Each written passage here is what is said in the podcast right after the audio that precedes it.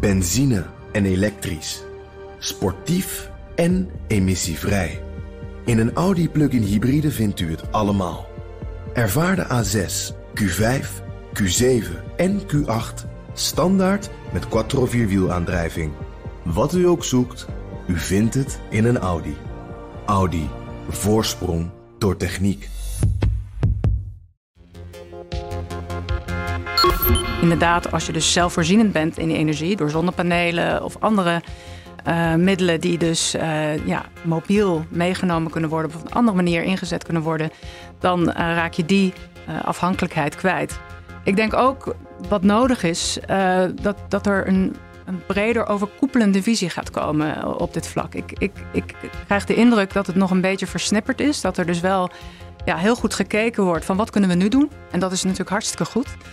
Um, maar ik denk wel dat we goed moeten kijken van ja, hoe kan Defensie ook op, op ja, langere termijn um, echt een bijdrage leveren aan, aan die verduurzaming.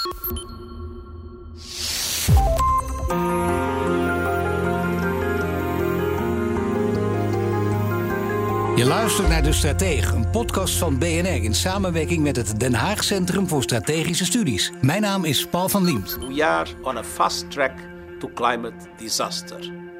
major cities underwater, unprecedented heat waves, terrifying storms, widespread water shortages, the extinction of a million species of plants and animals. The Cost of War Project estimates the U.S. military produced around 1.2 billion tons of carbon emissions between 2001 and 2017 the U.S. military is a larger polluter than 140 countries combined, including numerous industrialized nations. Putin threats to use all weapons resources at our disposal, and such a threat is unacceptable.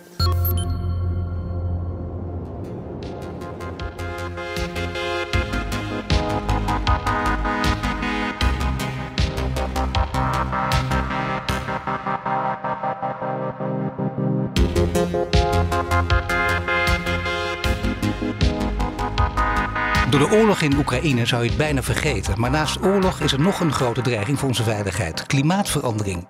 Alle sectoren moeten meedoen in de energietransitie en aan maatregelen om de klimaatdoelen te halen, zo ook defensie. Klimaatverandering zorgt wereldwijd namelijk ook voor conflicten. En denk daarbij niet aan Oekraïne, maar wel aan bijvoorbeeld het Midden-Oosten en de Sahel. Om de veiligheid te waarborgen moet ook defensie veranderen om hierop in te spelen. Maar van duurzame wapens, voertuigen of gebouwen ga je toch niet bij de vechten, hoor ik je denken? Nou, dat heeft wel degelijk invloed. En dat ga je horen in deze aflevering van De Strateeg van mijn twee gasten Lara Beerkman, senior strategisch analist bij Den Haag Centrum voor Strategische Studies, en Toelui Bergse is programmaleider Duurzaamheid en Energietransitie bij het ministerie van Defensie. Hele generaties Europeanen werden zodoende onderwezen door Marxisten, of ze nu pro-Sovjet of pro-Mao waren.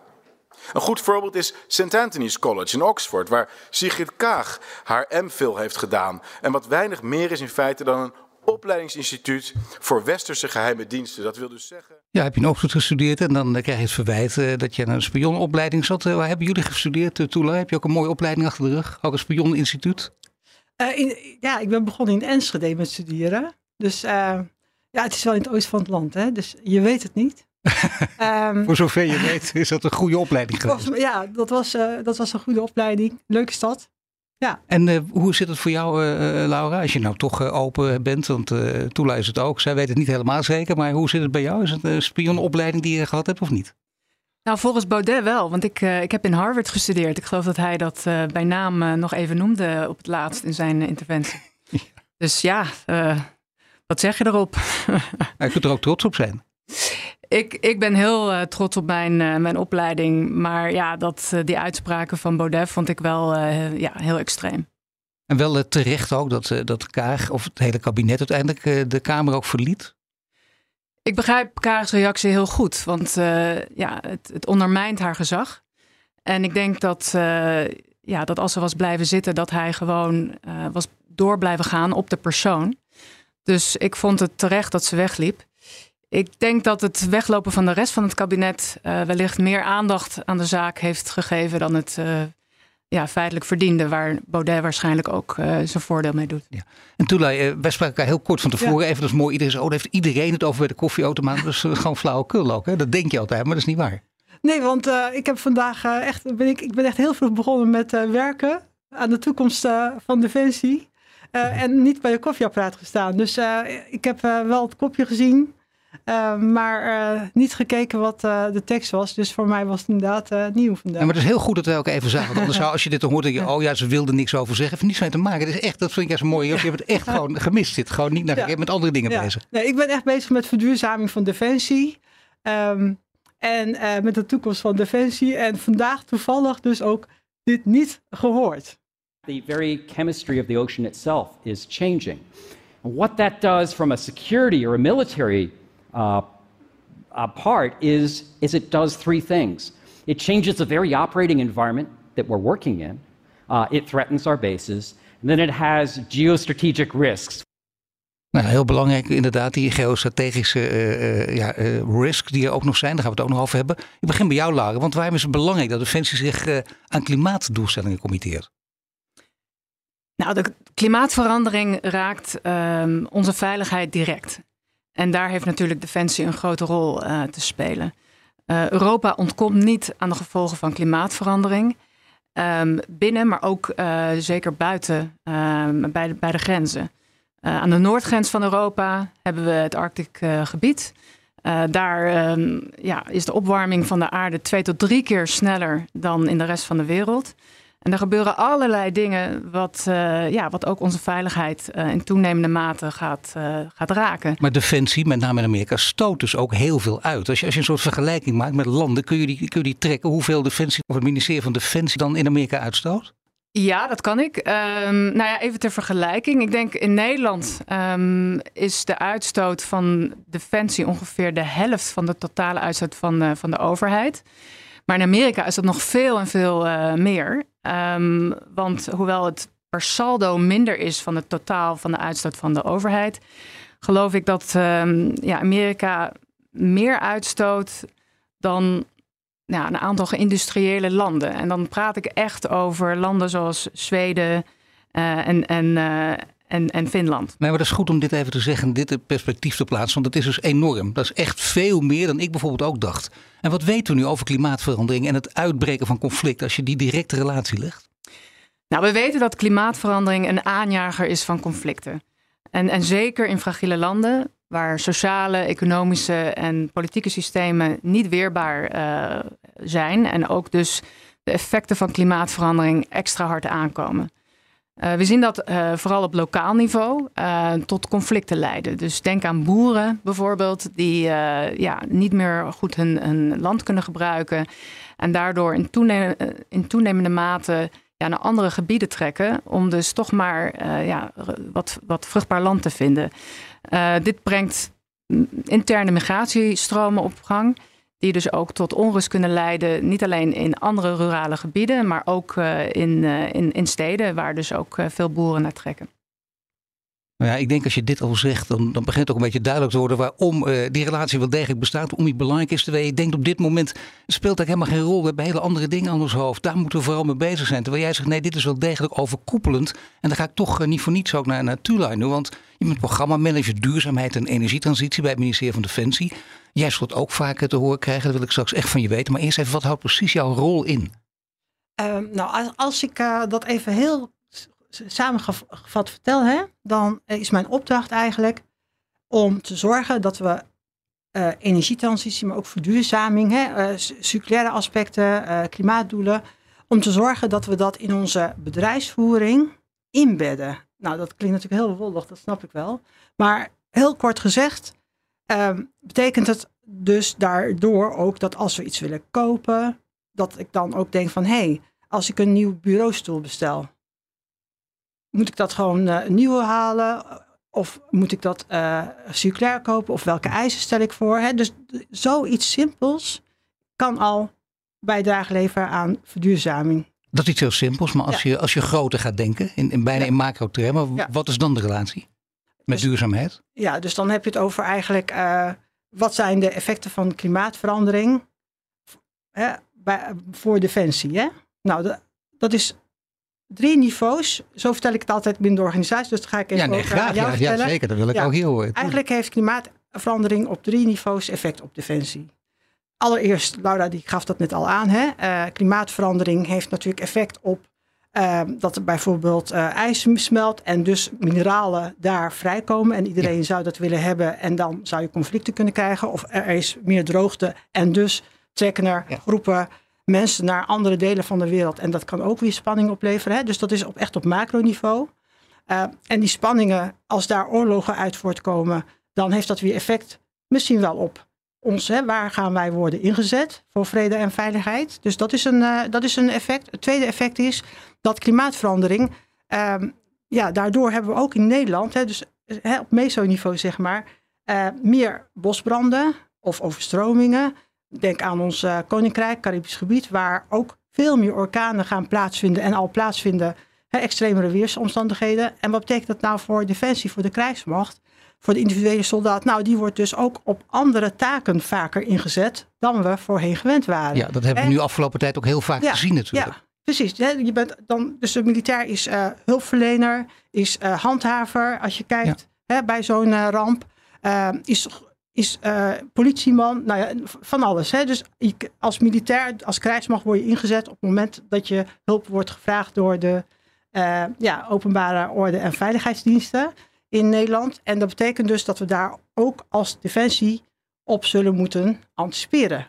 Hè, wat betekent dat voor defensie? Dat is mesoniveau.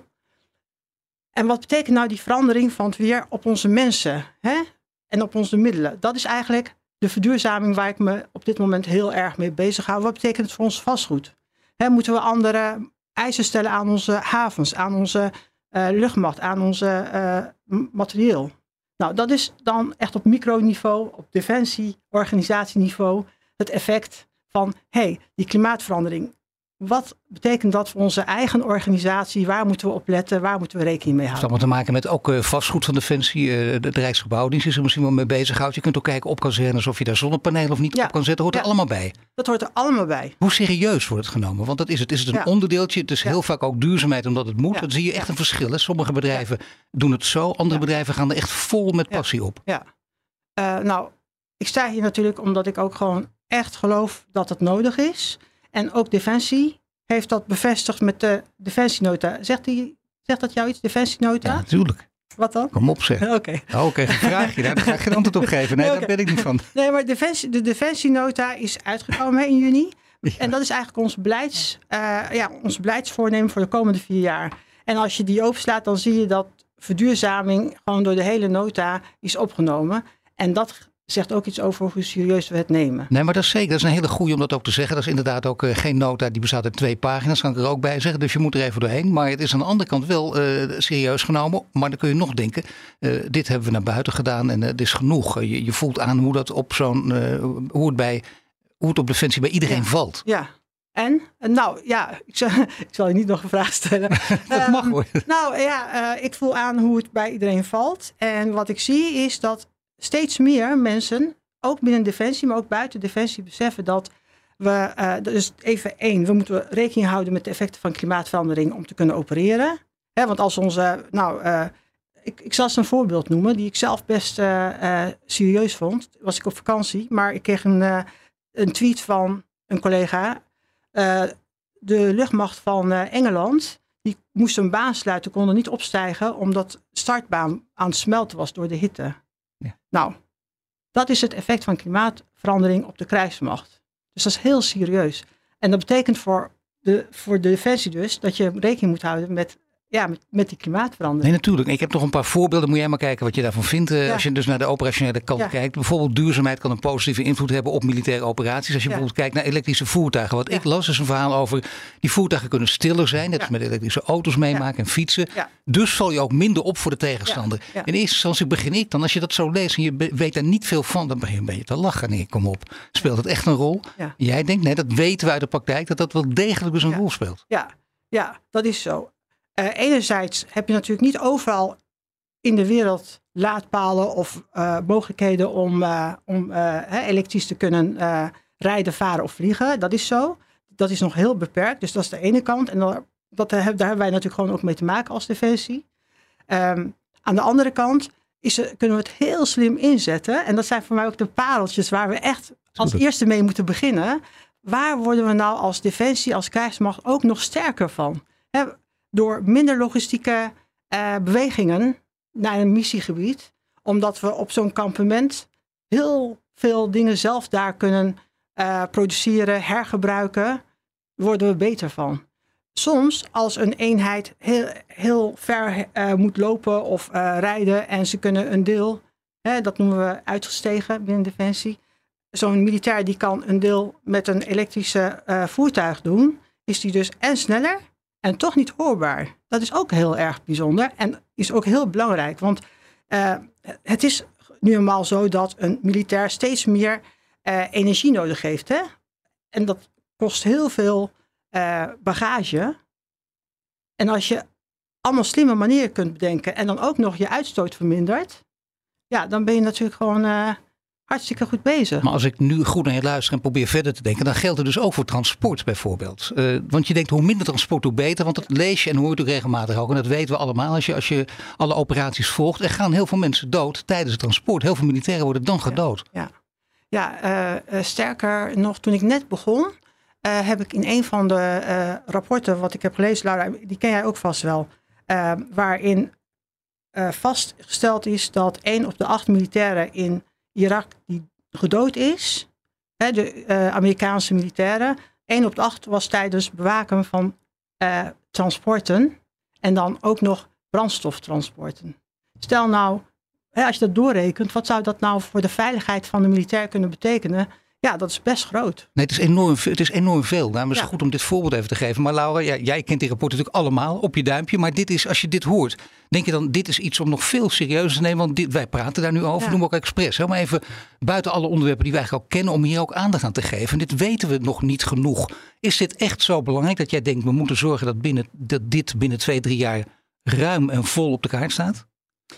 Ja, het is natuurlijk uh, hartstikke goed dat er nu uh, uh, ja, toch ehm, stappen worden gezet om dus in ieder geval als het gaat om hè, die, die ehm, installaties en ook materialen, om die dus ehm, ja, zo te verduurzamen dat het en kostenbesparend is en ook ja, veiliger wordt voor, hè, voor militairen om, om te opereren. Het voorbeeld wat net genoemd is, is, is gewoon zonder meer waar. Dat als je dus niet elke keer um, met die ja, um, afhankelijkheden zit om dus bepaalde um, ja, transporten dus opnieuw te moeten bijvullen met, met benzine, dan, ja, dan, dan heb je al een streepje voor. inderdaad, als je dus zelfvoorzienend bent in energie door zonnepanelen of andere middelen die dus ja, mobiel meegenomen kunnen worden of op een andere manier ingezet kunnen worden, dan raak je die nou ja, afhankelijkheid kwijt.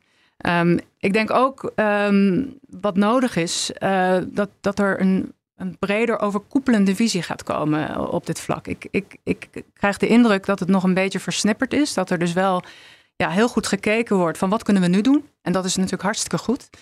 Um, maar ik denk wel dat we goed moeten kijken van ja, hoe kan Defensie ook op, op ja, langere termijn um, echt een bijdrage leveren aan, aan die verduurzaming. En niet alleen um, ja, ten opzichte van, van ja, de kostenbesparing en, en, en efficiëntie, maar ook echt om dus een, een echte contributie te leveren aan die doelstellingen, die bredere doelstellingen die er zijn. En dat vraagt toch nog om ja, grotere inspanningen.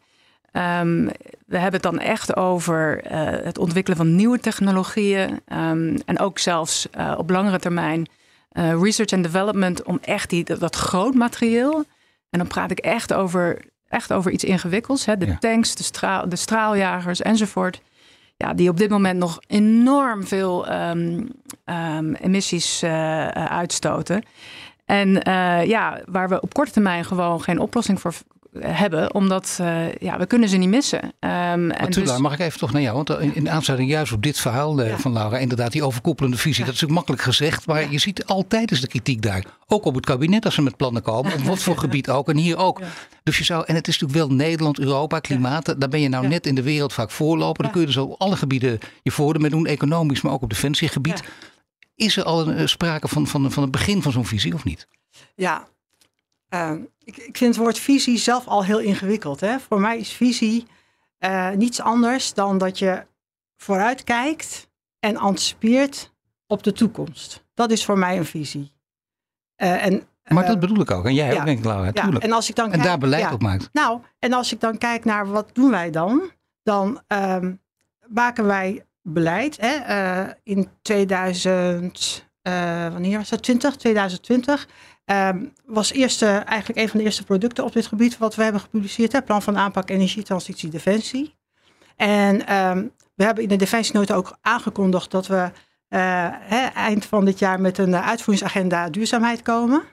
Dus daar werken we nu ook heel hard aan. En kun je iets zeggen welke richting dat opgaat? Um, je mag ehm, natuurlijk niet alles vertellen, maar gewoon wel een beetje de richting van de beweging. Want dan hebben we een idee over. Nou, eigenlijk wat ik net, dus wat ik net al vertel. Hoe kunnen wij nou, uh, waar we wel kunnen, stappen maken. Want het is, je kan een hele mooie visie hebben, maar waar het uiteindelijk om gaat is, wat zijn je mogelijkheden? En voor Defensie geldt iets heel ja, basics, namelijk dat we als we op missie zijn met ons materieel, altijd moeten kunnen werken met onze partners. Wat betekent dat nou? Dat betekent dus dat als er NAVO-standaarden zijn voor brandstof of voor uh, materieel, dat we daaraan moeten voldoen.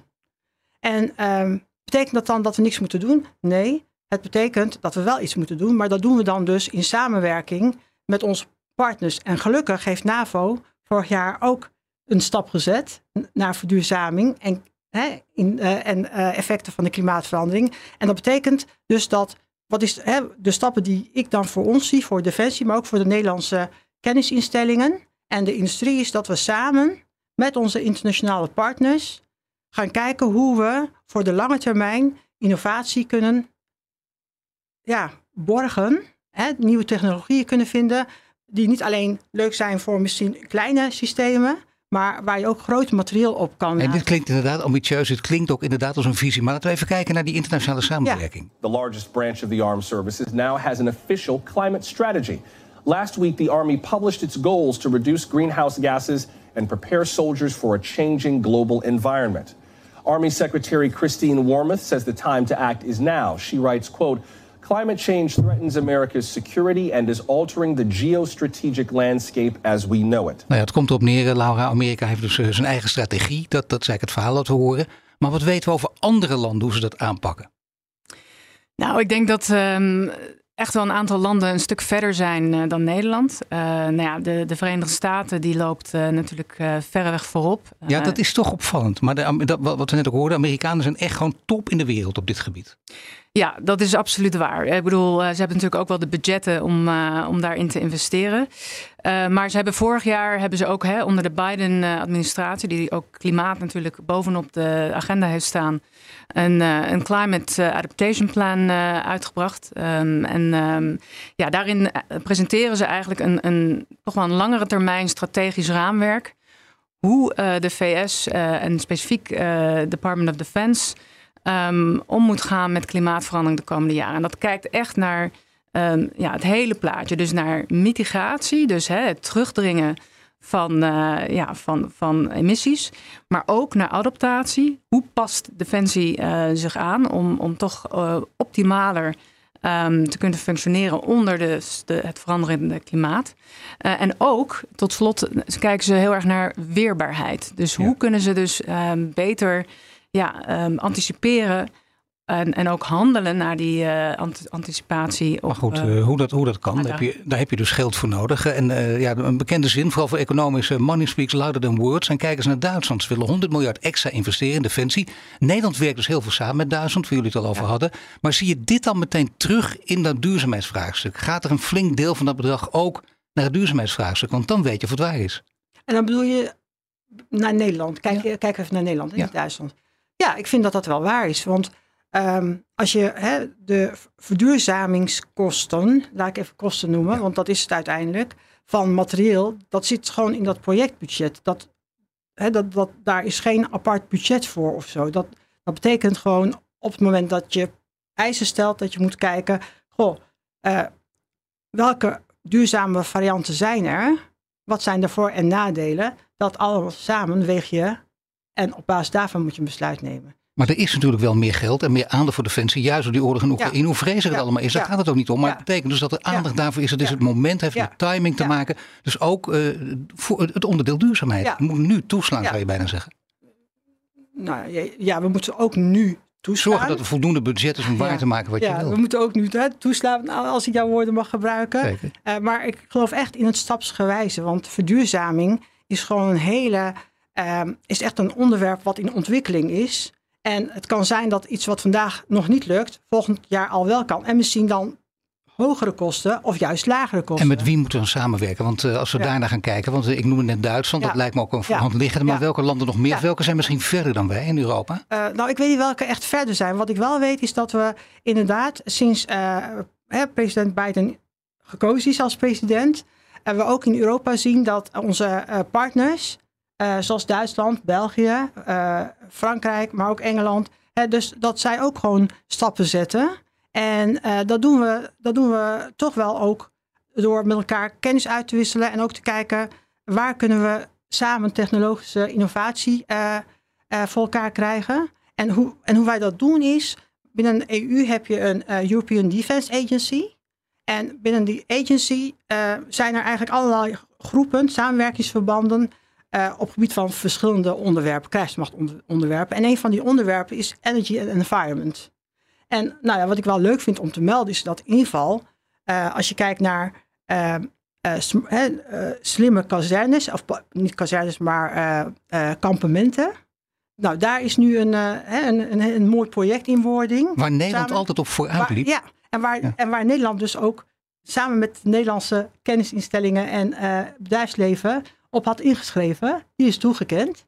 Dus dat is, hè, dat is eigenlijk een van de resultaten van vooroplopen. En samen met je kennispartners, maar ook je industriële, hè, met het bedrijfsleven samen uh, op zo'n project inzetten. Nee, dat begrijp ik ook. En ook hier die samenwerking is cruciaal natuurlijk. Ja. Maar nu is het mooi. We praten met een gedreven manager. Dat hoort iedereen. Gedreven programmaleider kan ik beter zeggen. Van Defensie. Dus dan is daar het moment ook voor Laura. Voor uh, kritiek. Constructieve kritiek. Maar wel. Wat denk je dat Defensie uh, hier nog beter kan doen? Waar kunnen ze nog een stap zetten?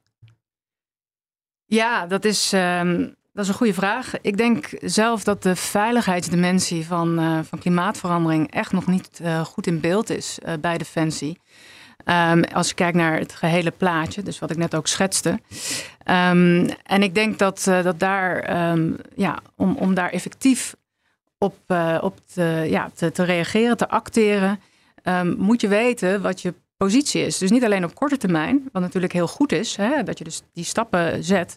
Maar ook wat je op middellange termijn en op lange termijn doet. Maar die, ze deze even uitpikken, want dat, dat is meteen, meteen een duidelijke. Is dat een serieus? Ik bedoel, daar wordt uiteraard door jullie ook over nagedacht. Maar is dit iets waar je echt nog stappen kunt maken? Ja, dit is iets wat er, waar de hele wereld nog stappen in kan en moet maken. Nou, meen ik echt. Nee. Uh, want uh, het tot voor kort deed iedereen lacherig over uh, op klimaatverandering. Nee, maar het is heel goed dat je daarom doen we expres dit. Dat is precies, het punt. Ik denk, het valt er buiten. Dachten ja. wij in de redactievergadering ook. Maar nee, het speelt natuurlijk. Nou, het speelt wel mee. Het is, uh, en het is ook een onderwerp wat bijvoorbeeld uh, op dit moment al overigens in onze analyses ook wel wordt meegenomen. Hè. Wij hebben ja, strategic forecasting tools en daarin wordt klimaatverandering wel meegenomen. Maar moeten we niet nog meer kennis hiervoor opbouwen? Ja, dat moet. Ja, dat wordt wel meegenomen. Dat, dat klinkt niet urgent. Het, het zou dan veel groter en, en, en steviger moeten zijn. Wij dat je die veiligheidsdimensie echt ja, inbrengt. Ja, ja, en, en dat moeten we niet als Nederland alleen doen. Ik geloof gewoon echt dat we dat in NAVO-verband moeten doen. En dus dat we als Nederland ook onze invloed moeten gebruiken. wij vanuit uh, Defensie, wij vanuit Nederlandse staat, maar ook onze kennisinstellingen met hun eigen connecties om te zorgen dat je ook in NAVO-verband kijkt hoe kunnen we nou die, onze kennisopbouw op dit gebied vergroten. Want als Nederland, Nederland is gewoon als land niet voldoende groot om daar in zijn uppie iets in te veranderen. Maar als we met zo'n uh, NAVO-verband hier een uh, werkgroep of iets dergelijks. Overigens, dat is ook, hè, dus dat gebeurt ook na, uh, na aanleiding van, van de Climate Action Plan. Maar dan maken we echt stappen. Zeker. En je hebt gelijk, Nederland is een heel klein land. Dus dat betekent per definitie, als je in Nederland woont, heb je heel veel buitenland. Dus hebben we altijd mee te maken en daar moeten we naar kijken. Maar Laura, nu je toch bezig bent, dit is een belangrijke stap. Die wordt blijkbaar dus wel degelijk gezet. Maar ik begrijp ook, dat moet je niet alleen op Nederland toespitsen. Dat moet echt internationaal. Ja. Maar wat zijn nog meer stappen die Defensie kan zetten? En dan specifiek toerenspitsen op Nederland? Ja, nou, ik, ik kan me aansluiten bij, bij de suggestie ehm, dat ja, het echt heel erg belangrijk is om een samenwerkingsprogramma in te richten.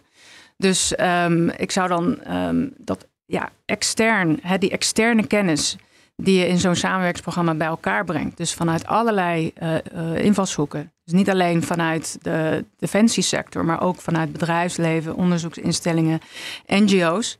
Um, om, om gezamenlijk tot echt een gedegen aanpak te komen, waarbij je alle kennis van die verschillende partijen kunt meenemen, zodat je dus ook uh, geïntegreerd kunt optreden. Dus dat, dat vind ik, dat, dat lijkt me een uitstekend plan. Um, maar goed, ik denk ook dat, dat, ja, dat er toch wat betreft Nederland nog wel meer gedaan kan worden. Ik denk dat we um, bijvoorbeeld kunnen kijken naar um, Groot-Brittannië. Uh, de Britten die zijn um, uh, nu heel erg bezig om, ja, in ieder geval overheidsbreed, uh, hun aanpak als het gaat om de veiligheidsdimensie van klimaatverandering te coördineren en te integreren. Maar hoe doen ze dat? Uh, nou, ze hebben um, onder andere een, uh, een Climate and Security Forum opgericht, interdepartementaal. Die um, ja, eigenlijk regelmatig bij elkaar komt. Um, en maar leidt het niet tot heel veel bureaucratie of leidt het juist tot grote stappen? Het leidt tot in, in die zin de stap dat men weet van elkaar waar, wat voor kennis er is. En hoe ze die kennis uh, optimaler samen kunnen voegen om tot uh, ja, gestroomlijnde acties te komen. Wat ik hoor in, in toch dit, ja, dit gesprek ook, is dat we toch wel heel erg versnipperd en projectmatig uh, nog bezig zijn. En ik denk dat als je een programma, een samenwerkingsprogramma inricht, waarbij je dus echt vanuit bepaalde doelstellingen um, inderdaad meerdere acties en projecten um, uh, kunt, kunt in gaan richten, dat je dan echt naar ja, een, een veel sterker um, uh, doelstelling kunt komen. Ja, toch minder versnipperingen, meer integrale aanpak. Ja. Ik bedoel, dat, dat zijn natuurlijk ook een beetje containerwoorden, maar we begrijpen wel wat ermee bedoeld wordt. Is nee, dat toch waar dan nee, schot of niet? Nou, ik zou wel heel graag ook een voorbeeld uh, willen, zodat ik echt hè, heel specifiek daarop kan reageren. Want als ik kijk naar het plan van aanpak, is, dat gaat over alle hè, defensieonderdelen heen. Uh, en dat geldt ook voor de defensienota overigens. Als je die leest, dat, hebben we, dat is niet toevallig dat, dat dat bij alle domeinen terugkomt. Dat is echt gedaan vanuit een keuze. Ja, laten we misschien één voorbeeld ter aanscherping ja. even lagen. Want het is gewoon puur voor, voor, voor bij ons beide kenners, ons alle drie is het heel goed. En zeker voor onze luisteraars om nu te weten. Wat, wat zou dan echt een voorbeeld zijn van een integrale aanpak die je nu mist? Nou, ik denk dat je um, op dit moment gewoon nog geen um, platform hebt waar mensen letterlijk uh, van verschillende um, ja, organisaties bij elkaar komen om um, te praten over de specifieke um, maatregelen, acties die zij op dit moment ondernemen om de veiligheidsdimensie van klimaatverandering. Precies, die... wat je in Engeland dus wel ziet. Zou dat dan een eerste stap kunnen zijn? Nou, dus wat ik eigenlijk aan Laura ja. hoor zeggen, als ik het goed begrijp, is uh, het gaat met name om de effecten van klimaatverandering op de veiligheidssituatie. Klopt dat? Want, want we hebben namelijk wel een kennisnetwerk energie binnen Defensie. En dat, daar zitten niet, niet alleen mensen, medewerkers van Defensie in, maar dat is juist samen met externe hè, bedrijfsleven, kennisinstellingen. En net... Meerdere specialisten, meerdere experts bij elkaar. Ja, ja, ja juist Defensie overstijgend. Ja. Uh, ook met andere departementen. Nou ja, dat komt volgens mij in de richting toch, Laura, maar, dit? Ja, maar ik denk dat ja, ik zie veiligheid niet uh, los van duurzaamheid hè, in dit geval. Dus ik denk dat als je kijkt naar uh, de klimaatuitdaging, dan heb je het dus inderdaad over verduurzaming, hè, de mitigatiemaatregelen. Ja. Dus het reduceren ja. van, van die emissies en het verduurzamen van, uh, van sectoren. Um, maar daarnaast speelt er ook ja, echt toch wel de, ja, de adaptatie en de weerbaarheidsopdracht. Uh, ja. En ik denk, ja, we hebben het ook over operationele slagkracht van Defensie. Dat als we die willen gaan verbeteren, dan moeten we ook begrijpen ja, hoe we um, bepaalde innovaties en bepaalde um, nou ja, processen die er al zijn, um, verder kunnen optimaliseren voor Defensie, om dat dus uh, effectiever te kunnen, kunnen inrichten. En dan praat ik dus over heel concreet over activiteiten die dus ja, NGO's al ondernemen. Ehm, we zien bijvoorbeeld dat Defensie ehm, ja, nog niet heel erg vaak optreedt in hele fragiele landen. Als daar dus een, een, een ramp uh, heeft plaatsgevonden. Dat doen vaak humanitaire uh, organisaties.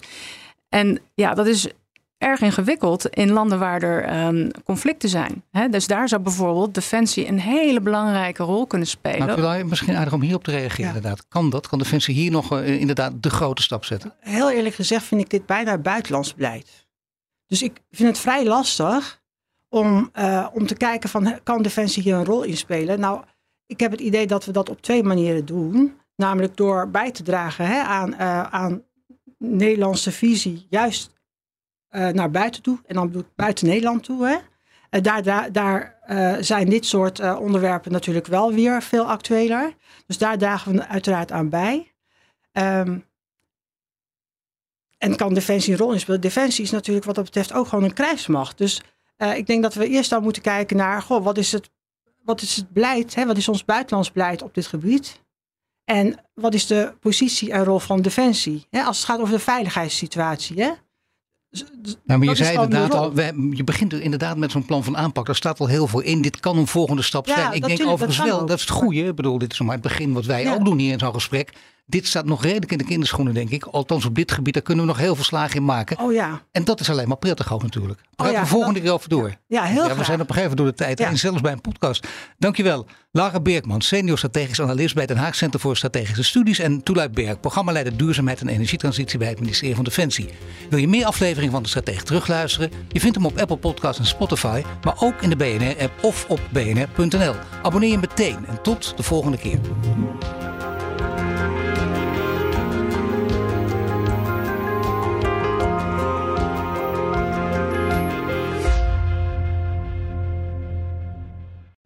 Benzine en elektrisch. Sportief en emissievrij. In een Audi plug-in hybride vindt u het allemaal. Ervaar de A6, Q5, Q7 en Q8 standaard met quattro vierwielaandrijving. Wat u ook zoekt, u vindt het in een Audi. Audi. Voorsprong door techniek.